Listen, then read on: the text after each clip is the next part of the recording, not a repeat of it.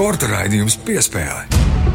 Esiet sveicināti Latvijas radio pirmā kanāla sporta raidījuma piespēle klausītāji, kā jau katru nedēļu ar jums kopā es Mārtiņš Kļavnieks un mans kolēģis Māris Bergs. Sveiks, Māri! Sveiks, Mārtiņ! Sveicināti klausītāji! Jauna nedēļa, jaunas sarunas, un uh, šodien veselas divas tik tiešām ļoti interesantas. Vienu mēs paši esam jau reklamējuši sociālās saziņas platformās, nu, un, protams, kā jau janvāra pēdējā raidījumā.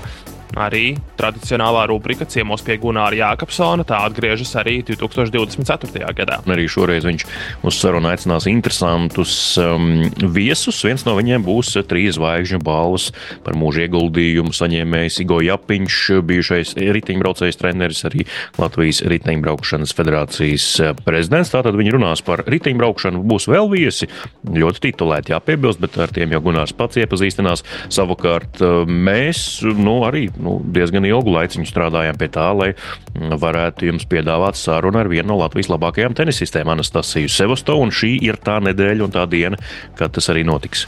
Jā, un šajā sarunā tad arī noskaidrosim, gan kā aizrit viņas dzīve šobrīd, audzinot meitu, un tāpat kādi ir viņas plāni profesionālajā karjerā, atgriežoties lielajā tenisā, kur viņa plāno spēlēt, un kā viņa jutās savos pirmajos turnīros aizvadītā gada nogalē. Sporta raidījums piespēlē.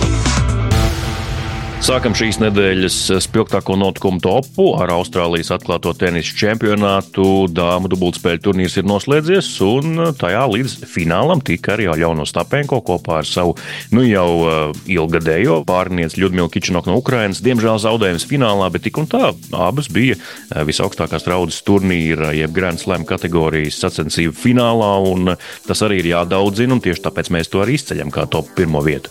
Jā, un tas ir lielākais panākums Aļonai un viņas pārniecei Kičinokai dubultspēļu karjerās, gan kopējā, gan katrai individuāli spēlējot dubultspēlēs. Tas ir lielākais panākums, ko viņām līdz šim ir izdevies sasniegt. Tas nozīmē arī to, ka dubultspēļu reitingā viņas pakāpsies augstāk. Tas tātad mums tiek publicēts katru nedēļu pirmdienā. Neskatoties uz zaudējumu finālā, nu tik un tā par to ir jāpriecājas, ņemot vērā, cik augsta konkurence ir tenisā Tas tomēr ir Grand Slam turnīrs, augstākais līmenis, kāds vien var būt. Varbūt ne pašas prestižākās sacensības ir dubultspēles, nu, proti, visa slava parasti tiek vienspēļu spēlētājiem. Slava, nauda, viss, viss, viss. Nu, spilgti šo apgalvojumu pavisam vienkārši varam ilustrēt. Proti, vienspēļu čempioni saņem četras reizes vairāk nekā dubultspēļu čempioni. Taču, neskatoties uz to, rezultāts ļoti augsts un prieks par Aļonu. Viņa no Austrālijas vedīs mājās vairākas trofejas. Un nākamais eh, nedēļas topā pieturas punkts - jaunatnes Ziemas Olimpiskās spēles Dienvidkorejā, Pjončkanā, kur tās risināsies līdz pat 1. februārim bet eh, Latvijas jaunie sportisti ir ārkārtīgi iepriecinājuši mm, nulekā aizdītajā nedēļā ar tādu, varētu teikt, medaļu birumu. Sešas medaļas eh, un piecas no tām renes sporta veidos, kas, protams, ka Latvijas gadījumā nav nekāds pārsteigums.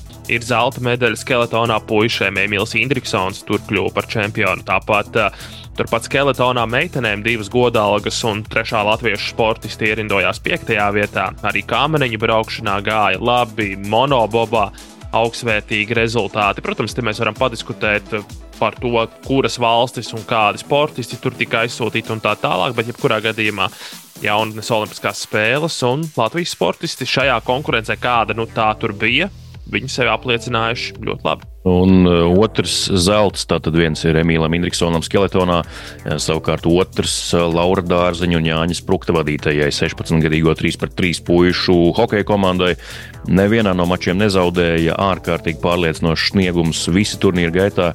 Un beigās arī zelts finālā uzvar pār dāņiem. Pārliecinoši uzvar arī grupā dāņi tika pārspēti pārliecinoši. Jā, un ja mēs tā skatāmies, tad uh, Lauris Dārziņš ir panākumiem bagātākais latviešu hokeja treneris ar Latvijas izlasēm bronzas medaļu, tātad ar lielo izlases pasaules čempionātā un tagad ar 3 pret 3 izlasi šajās jaunatnes spēlēs. Protams, joks jokam, Laurim treneru karjerā viss vēl ir tikai priekšā un tā tikai sākas.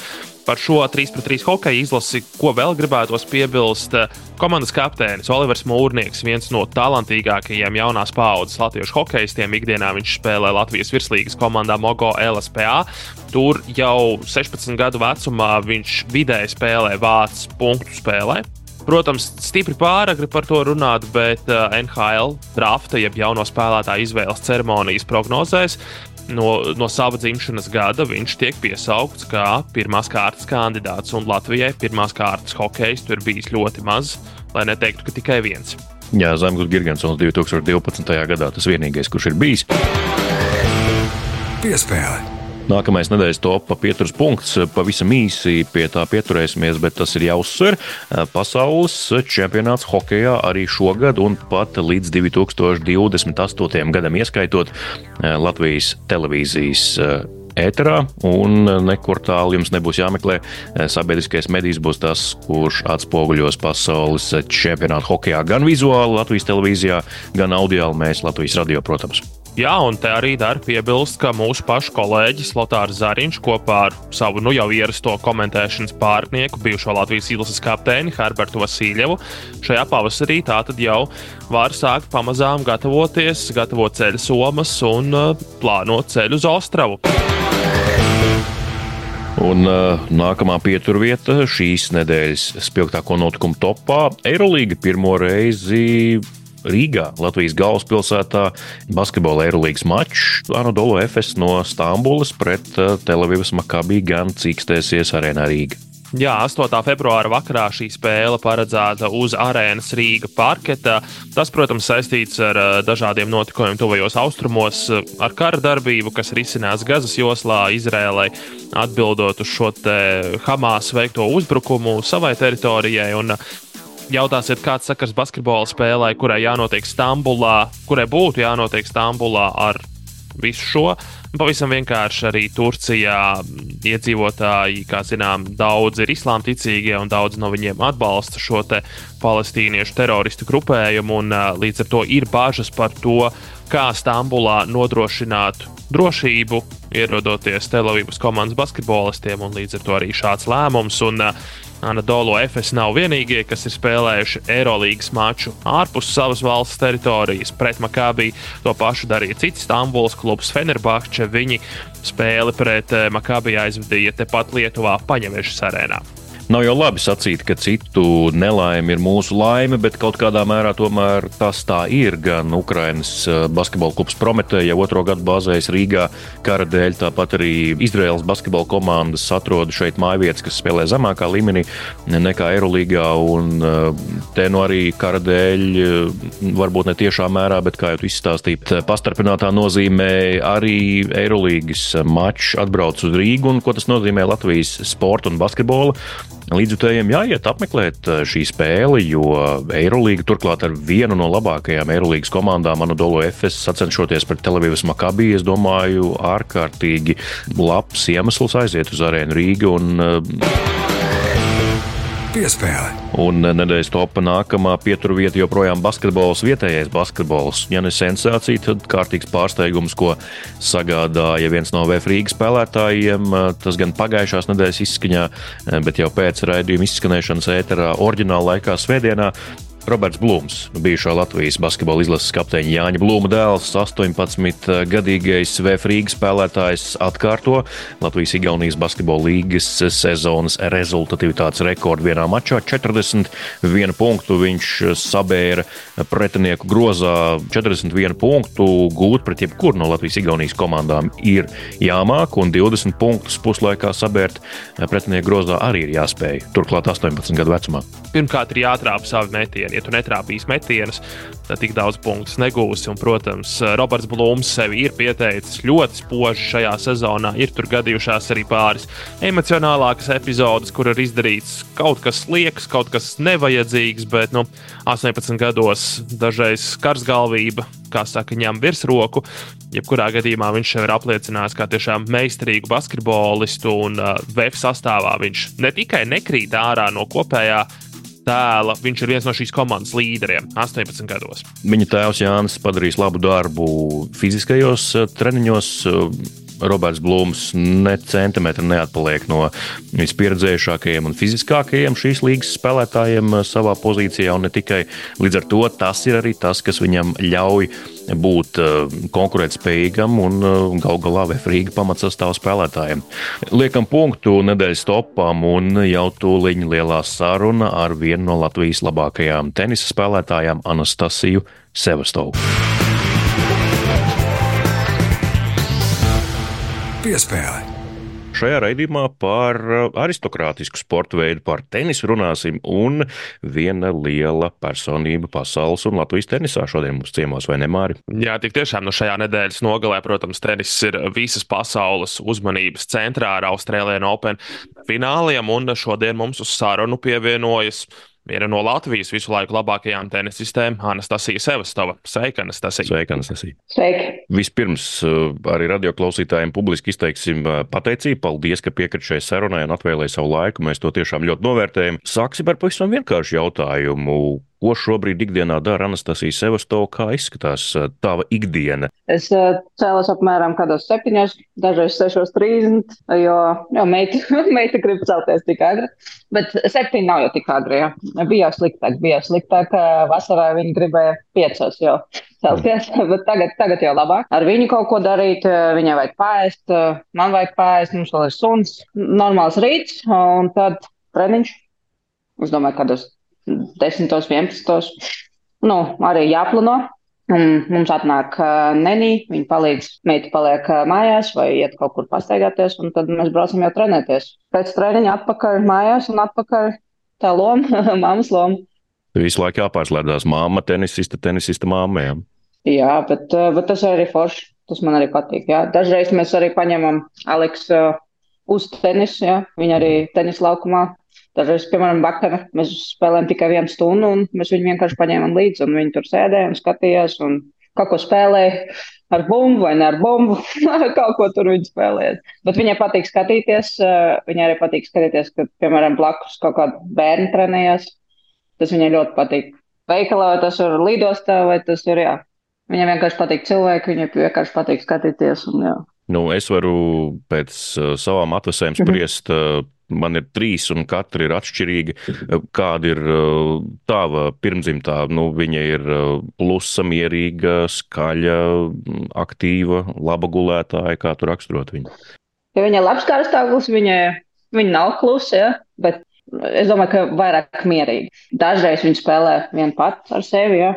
un varbūt ar suni, bet Sunis vēl tāds, nu, viņš, viņam nepatīk. Viņš it kā grib spēlēt, bet viņš nezina, kā spēlēt ar viņu. Tāpēc, jā, viņam pagaidām pagaidām tādas interesantas attiecības. Tu sacīji par treniņiem. Cik bieži mm -hmm. trenējies nedēļā?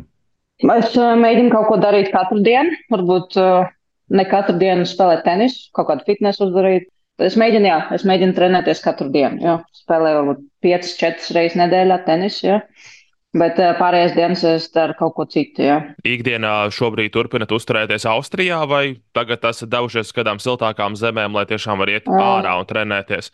Nē, tagad mēs esam Austrijā un arī paliksim droši vien līdz eh, februāra vidu, un tad mēs lidosim uz Ameriku, jo tad es spēlēšu vienu turnīru pirms Indian Wells un Miami. Un tad mēs paliksim jau kādu mēnesi tur. Droši vien līdz tam nākamajam uh, turnīra posmam, līdz nākotnē arī nonāksim, bet atgriezīsimies mm -hmm. tajā sākotnē, tā atgriešanās, Andoras turnīrs. Mm -hmm. Vispirms par pārdomām, pirms atgriešanās un vispār uh, mm -hmm. karjeras atsākšanas. Tev bija kaut kādas pārdomas darīt to vai nē, vai tu jau uzreiz zināji, ka tu vēlēsies atkal spēlēt tenisu? Pa, uh, protams, bija pārdomas. Uh, man sāpēja plecs, un tas bija jau cik trīs gadus viņš sāpēja on and off. Tāpēc, jā, es gribēju atgriezties. Protams, tāda liela problēma atgriešanās. Jā, ja, ja tu nevari servēt trīs, četros mačos pēc kārtas, jā, vai vispār treniņos pēc kārtas, labi, tev visu laiku sāp, un tu servē kaut kā savādāk, tad, jā, nav jēgas atgriezties. Jā. 23. gads, tas bija gads, ko es tiešām novēlēju savai veselībai, atgriezties plecs, un pēc tam Diemžēl man sanāca, ka, ka tas bija kāja, sāk sāpēt, ja. tā kā cels, un man bija maza, maza operācija augustā. Jo īstenībā es gribētu atgriezties uh, vasarā beigās. Un jā, izskatās, ka tagad, tagad ir viss vis ok. Ja?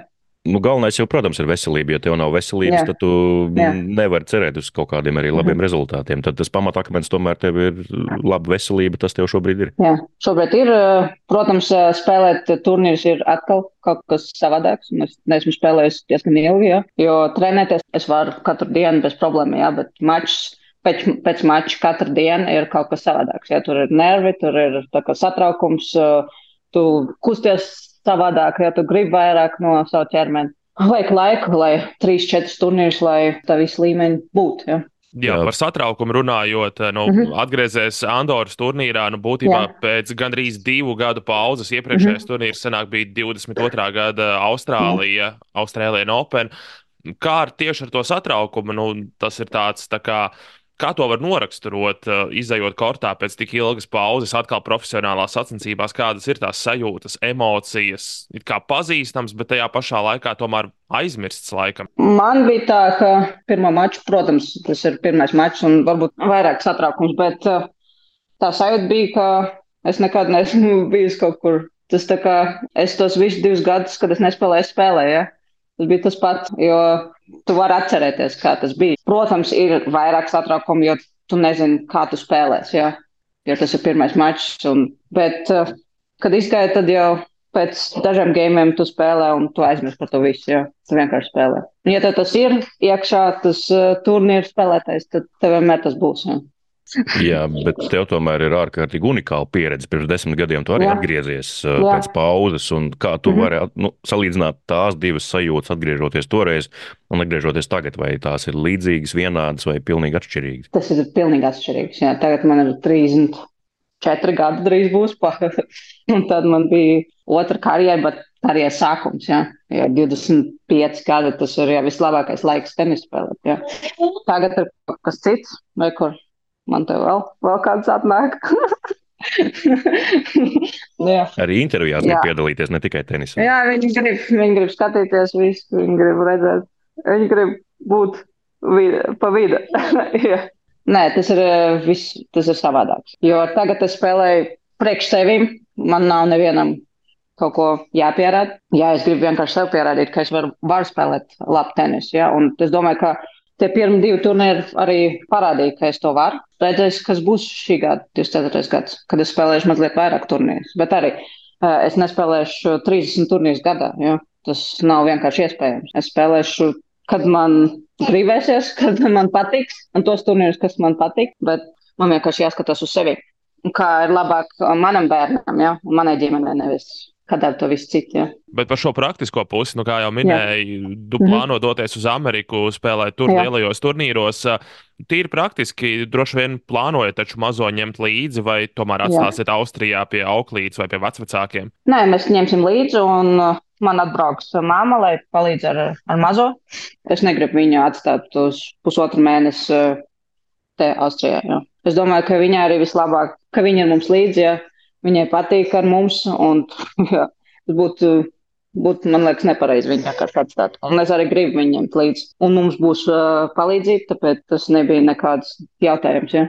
Tu jau arī sacīji, nu, ka tomēr daudz no spēles, un to mēs jau visi arī ļoti labi zinām, ka daudz no rezultātu tenisā atkarīgs arī no tās tā psiholoģiskā stāvokļa, kurā Jā. tu esi. Un, ja tu tomēr pusotru mēnesi esi prom no sava mm, Jā. bērna, droši vien, nu, tad tu nejutīsies īpaši labi un arī nespēlēsi droši vien izcili, kā tu vēlētos. Nu, Jā, arī, man būtu tā, varbūt uh, grūtāk praktiski visu to organizēt, un arī tas pārlidojums ir diezgan ilgs. Ja? Bet beig beigās, man liekas, ja bērns ir ar māmu un ar tēti, tas ir vislabākais, kas ir priekš bērniem. Ja? Launas, tas ir, tu sacīji, ka tu spēlē savam priekam, tu spēlēsi mm -hmm. tajos turnīros, kuros tev patīk spēlēt, mm -hmm. vai tev ir kāds konkrēts mērķis saistībā ar rangu, ar reitingu, kur tu gribi atgriezties, oh. nonākt? Protams, ir kaut kāda mērķa. Es negribu pārāk runāt par tiem, jo viņi nav pirmajā vietā. Ja? Es gribu vienkārši uh, izbaudīt spēli, izbaudīt mačus. Ja? Mēs redzēsim, gada beigās, sorry, gada beigās, uh, kur es stāvēšu reitingā, un tad jau var plānot. Ja? Klau, viens jautājums, ko es ik pa brīdim redzēju komentāros, ir īpaši tad, kad atgriezies, kad sāk atkal mm. Andorā spēlēt, vai mēs Anastasiju vēl nākotnē varam cerēt ieraudzīt Latvijas izlasē? Es domāju, ka jā. Es domāju, ka jā. Neviens vēl ar mani nav runājis. Un man arī jāplāno un jāzina droši vien mazliet agrāk, kad tas ir un kad man tur jābūt, kad man tur jāspēlē. Bet uh, izlases spēles man vienmēr patika. Tad, kad mēs spēlējām Latvijā, tur pret Slovākiju, tas vienmēr paliks uh, atmiņā. Ja? Un tas bija super mači, un tas bija tāds, tāda super atmosfēra, ka es nekad neaizmirsīšu. Tāpēc, jā, es nezinu, tagad tajā grupā ir droši vien mazliet savādāk, kur mēs esam tagad, bet neviens vēl ar mani nav runājis par to. bet, ja uzrunātu, tad labprāt piekrist, ja vien varētu. Jā, jā, jā, mm. jā. Klau, nu, tu atgriezies, tātad Andorra Limoža seši mm -hmm. mači Četri Jā. no sešiem uh, trijos setos beidzās. Vā, tik daudz bija trijos setos. tas nozīmē, ko tas nozīmē šie trīs setu mači? Tas nozīmē divas trešdaļas no spēlēm trijos setos, uh, mm -hmm. kuras es aizbiju pēc atgriešanās. Tu vēl meklē savu ritmu, savu manieri, kā spēlēt pēc atgriešanās. Vai, nu, es gribēju redzēt, kāds man ir fitnes levels, un viņš izskatījās diezgan labs. Bet jā, no sākuma varēja redzēt, ka jā, es ilgi nesmu spēlējis. Ja? jo vairāk maču, jo varbūt, man liekas, es spēlēju labāk un labāk, ja, maču ritmā, ja, un Limoža arī varēja redzēt, ka esmu vairāk tagad mazliet pieredzis no Andoras turnīra, un es spēlēju labāk un labāk, un no sākuma vienkārši jāatrod kaut kādu veidu vinēt, ja. Un es spēlēju pret dažiem pretiniekiem, ko es vispār nezināju. Ja? Tas arī grūti, ka tu vienkārši izai ārā un tu vienkārši nezini, kā viņi spēlē. Ja? Viņas uh, spēlē labā līmenī. Un es, es negribu iziet laukumā un teikt, pa, Līdz es tev vinnēšu. Jā.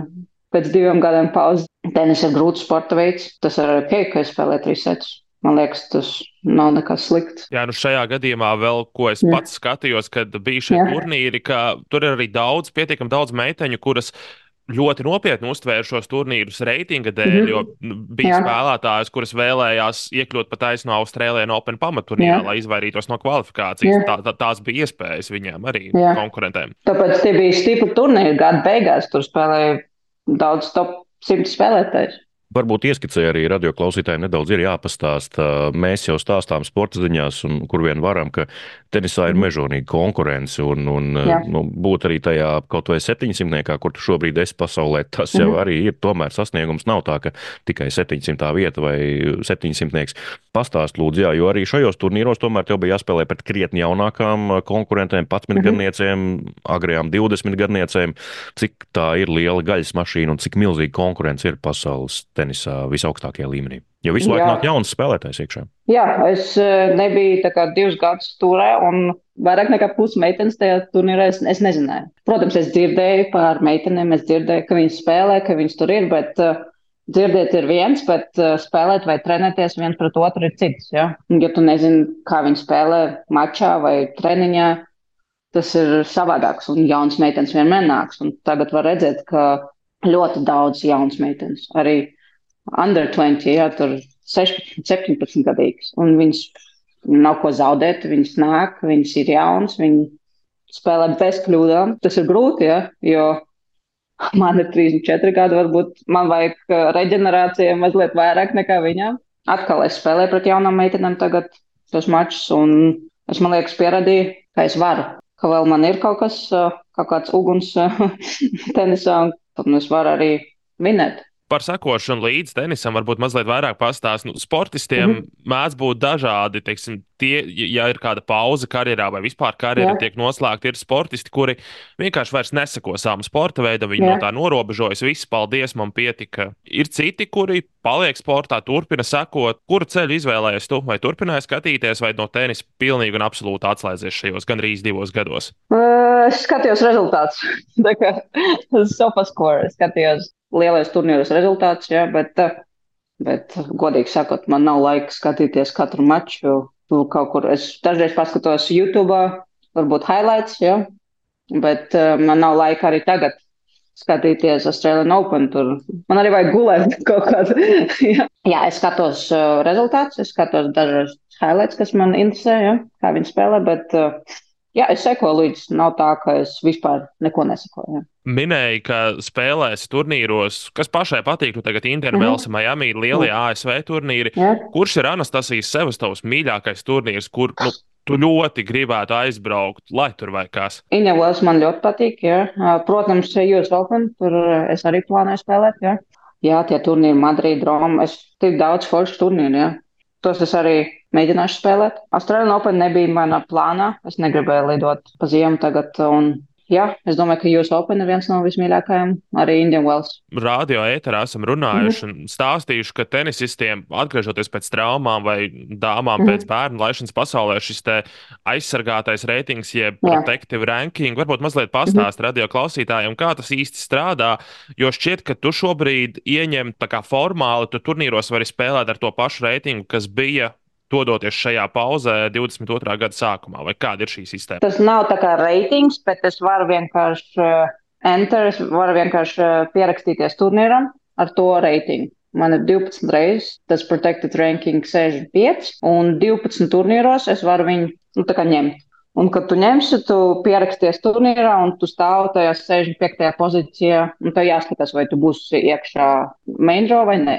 12 turnīri ir tiem, kas ir vairāk nekā gadu, nespēlēja turē, ja? un tur ir, ja tu nespēlē 6 mēnešus, tad ir vienkārši mazāk turnīru. Ja? Un no tiem 12 turnīriem tev ir divi Grand Slami, ko tu vari spēlēt ar to Protected Ranking, un 5 VTA tūkstošnieki, tā kā, tā kā India Wells, Miami, Madrid, Rome, piemēram. Tu vienkārši vari izvēlēties tos pārējos 5 turnīrus, ja? ko tu spēlē. Andoru un Limožu arī bija šajā programmā. Tu jau izmantoji, vai tur bija vēl kāda?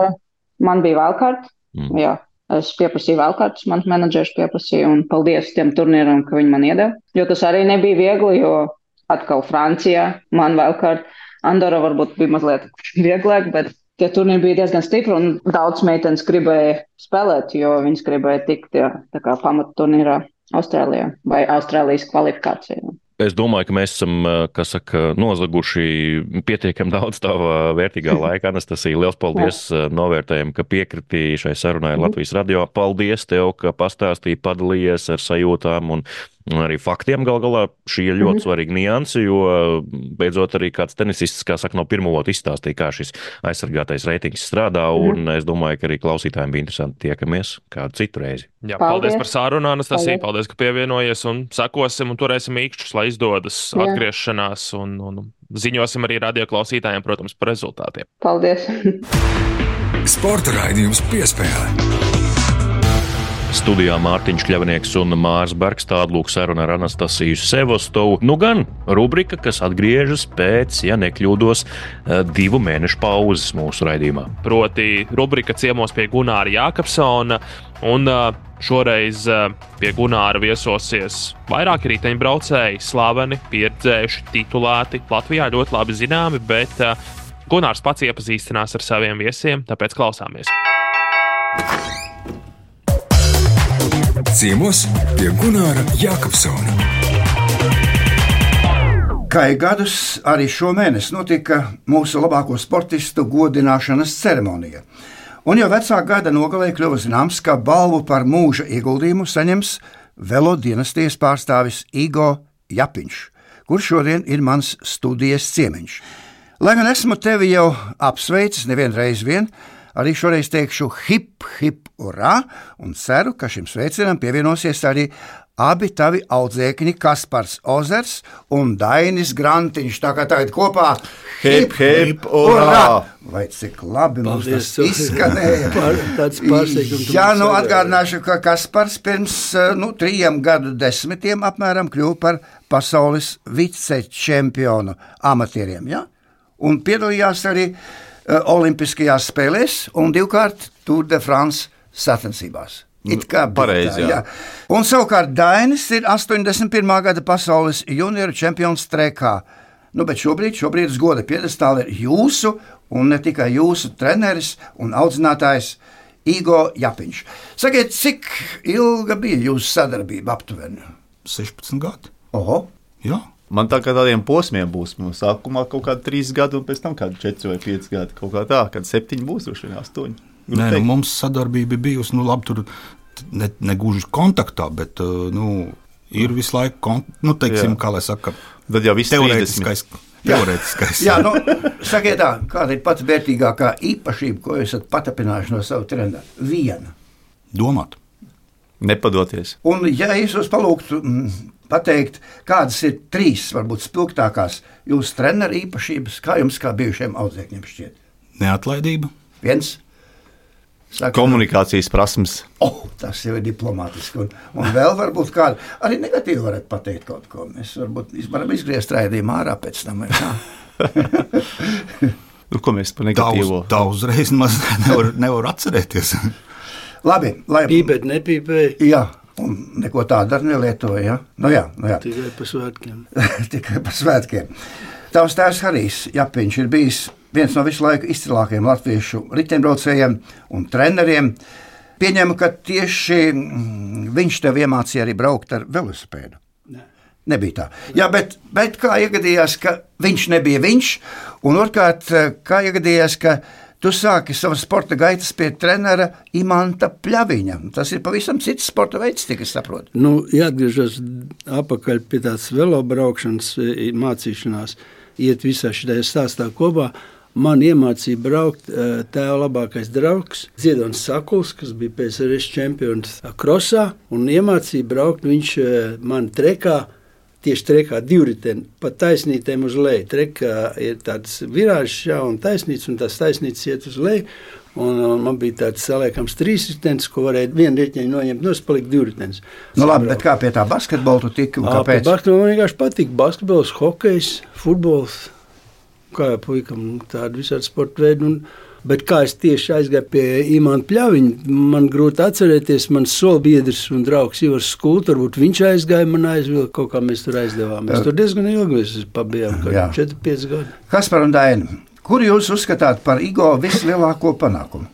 Nu, es domāju, ka tas lielākais panākums varētu būt, kad uh, 91. gadā pēc barikādēm uh, Igo savāca Latvijas izlasi un atgrieza uh, Latvijā teiksim, tādu riteņbraukšanu pasaules līmenī. Otrs varētu būt tas, ka viņš tik ilgi ir izturējis ar velosipēdu saistītās lietās, un bijis federācijas prezidents, un studējis, mm. un, un, un lipinājis, un, un darījis un domājis. Domāju, ka tie ir tādi divi lielākie panākumi. Kā Daina tev šķiet?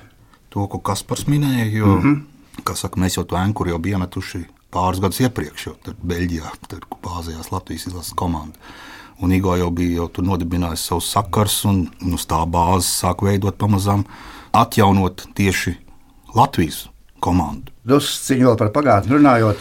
Pats Igo visaugstāk vērtē divreiz izcīnītās medaļas komandu iedzīšanas braucienā tautas Spartakijādē. Kāpēc? Man, tas priekš sevim. Kāpēc tā? Es pēc tam izlases nepārstāvēju. Kaut kādos kandidātos es biju. Pēc 71. gada tautas partijas nu, nu, mūsu līmenī, tajā laikā mēs bijām Padomu Savienības ietvaros, jo tās tautas partijas bija tā kā tādas mums pieejamas mazās olimpiskās spēles. Man izdevās divas reizes tur medaļas aizķert. Nu, pie kam? Tā otrā reize bija tāda, kad mēs braucām finālā ar Maskavu un man pārplīsa riepa. Bet interesanti, ka tolaik izlases treneris bija, ja tu atceries, tavs tēvs. Un kādā veidā viņš tev iespaidoja kā sportists šobrīd? Viņš bija ļoti liels speciālists tieši šajā 4 km komandu braucienā. Mm -hmm. Viņa audzēknis uh, Dzintars Lācis bija pasaules čempions.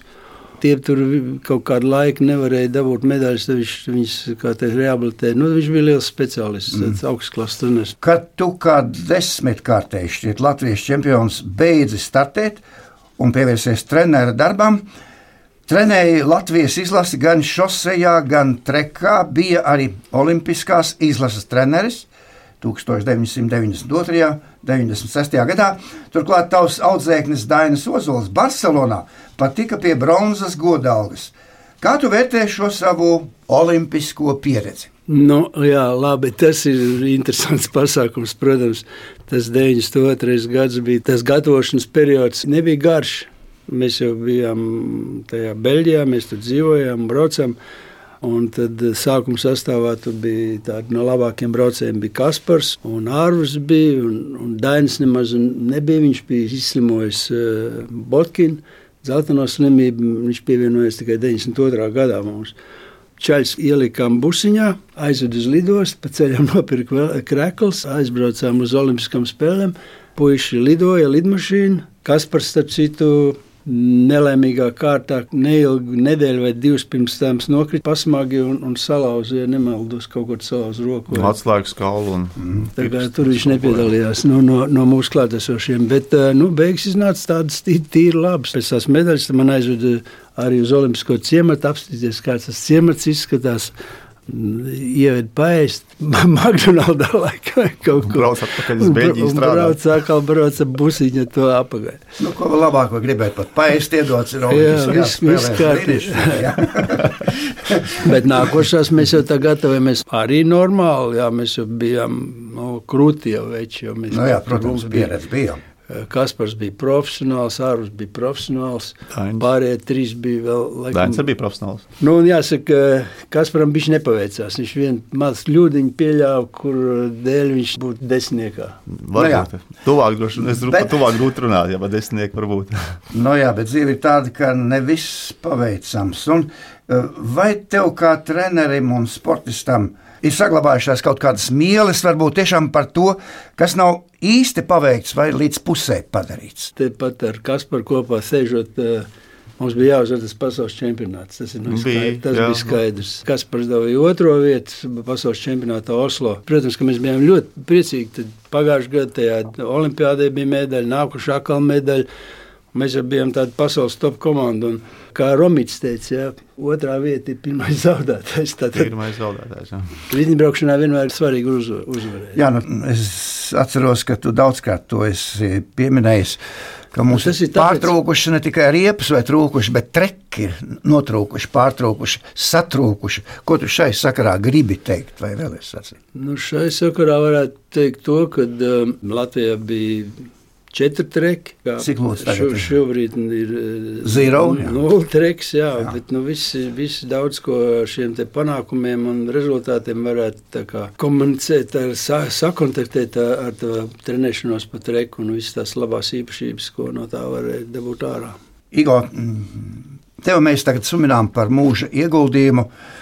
Un, ja tā, tad, protams, jāatceras tavs ieguldījums gan te jau, kas pats minēja, federācijas prezidenta amatā, savu vietīgo Japiņa sporta aģentūrai un citām sportiskām aktivitātēm, kā velo maratoniem un tā tālāk. Un tā tālāk ieskaitot, protams, arī gada balvu sportā.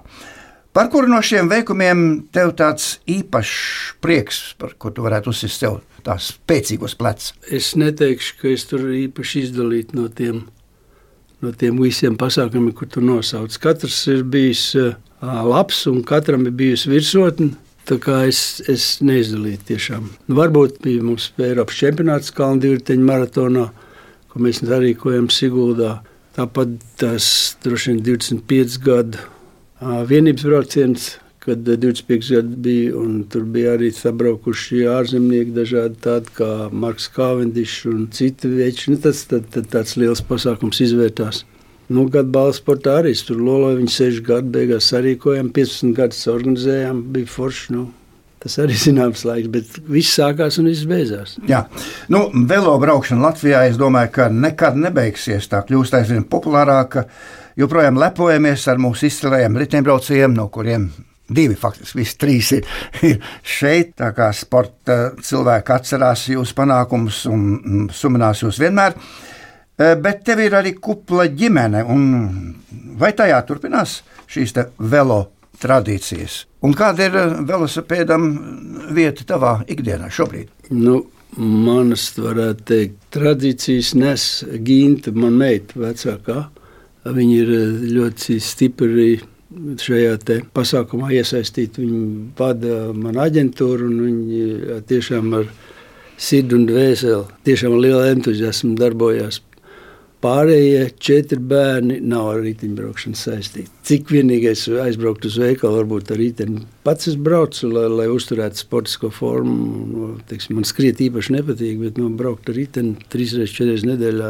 Un kas par vai tu tikai vienības braucienos piedalies, vai arī ikdienā brauc ar riteni? Nu, es vairāk piedalos tikai vienības braucienā. Nu, tāda padās, tā kā Igors saka, varbūt Tīko pēc balvām, protams. Jā. Ne pēc balvām, vairāk varbūt eh, satikt Vecos cīņu biedrus. Ja.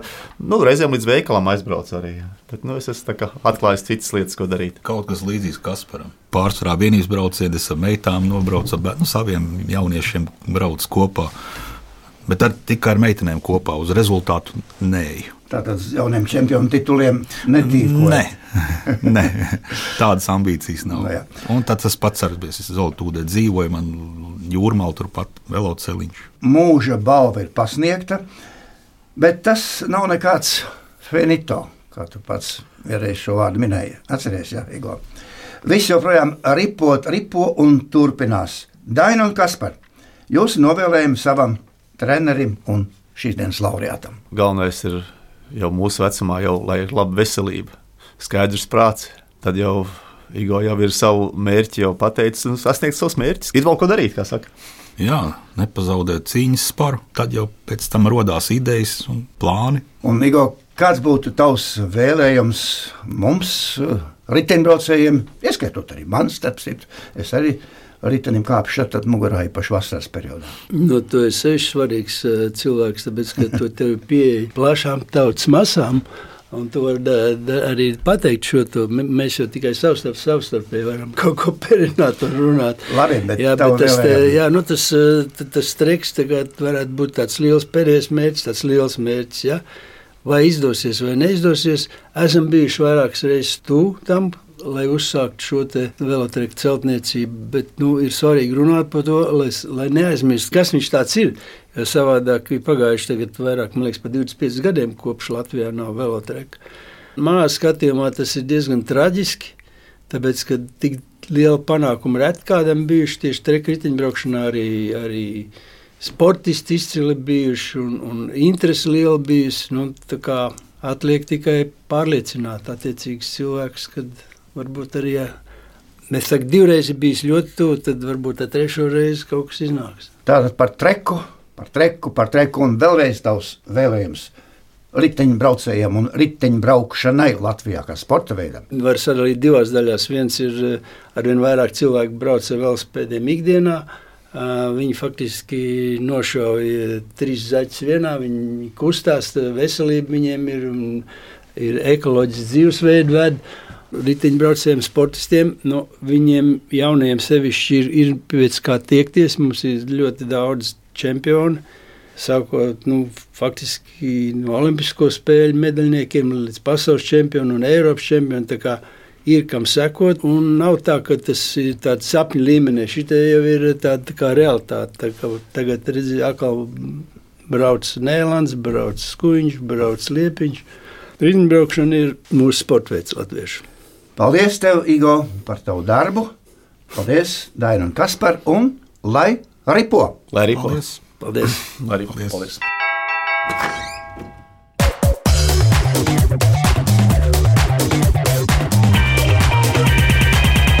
Latvijas radio pirmais kanāls, sporta raidījums piespēle, studijā Mārtiņš Kļavinieks un Māris Bergs. Gunāra veidotā rubrika izskan, un līdz ar to izskan arī šīs nedēļas raidījums. Un mēs sakām jums paldies par klausīšanos, dariet to arī nākamā nedēļa, un visas pārējās šī gada nedēļas būsim klāt kā likts katru nedēļu pie jums. Vēl tikai atgādinām, ka raidījums piespēle kā ierasts Latvijas radio arhīvā. Un arī podkāstu, jeb raidierakstu vietnēs tas arī ir klausāms, ja to neizdevās dzirdēt oriģinālajā raidlaikā, svētdienā vai arī atkārtojumā pirmdienas vakarā, nedaudz pēc sešiem vakarā. Paldies, ka esat kopā ar mums, un tiekamies jau pēc nedēļas. Visu labu! Uztikšanos! Sporta raidījums piespēle.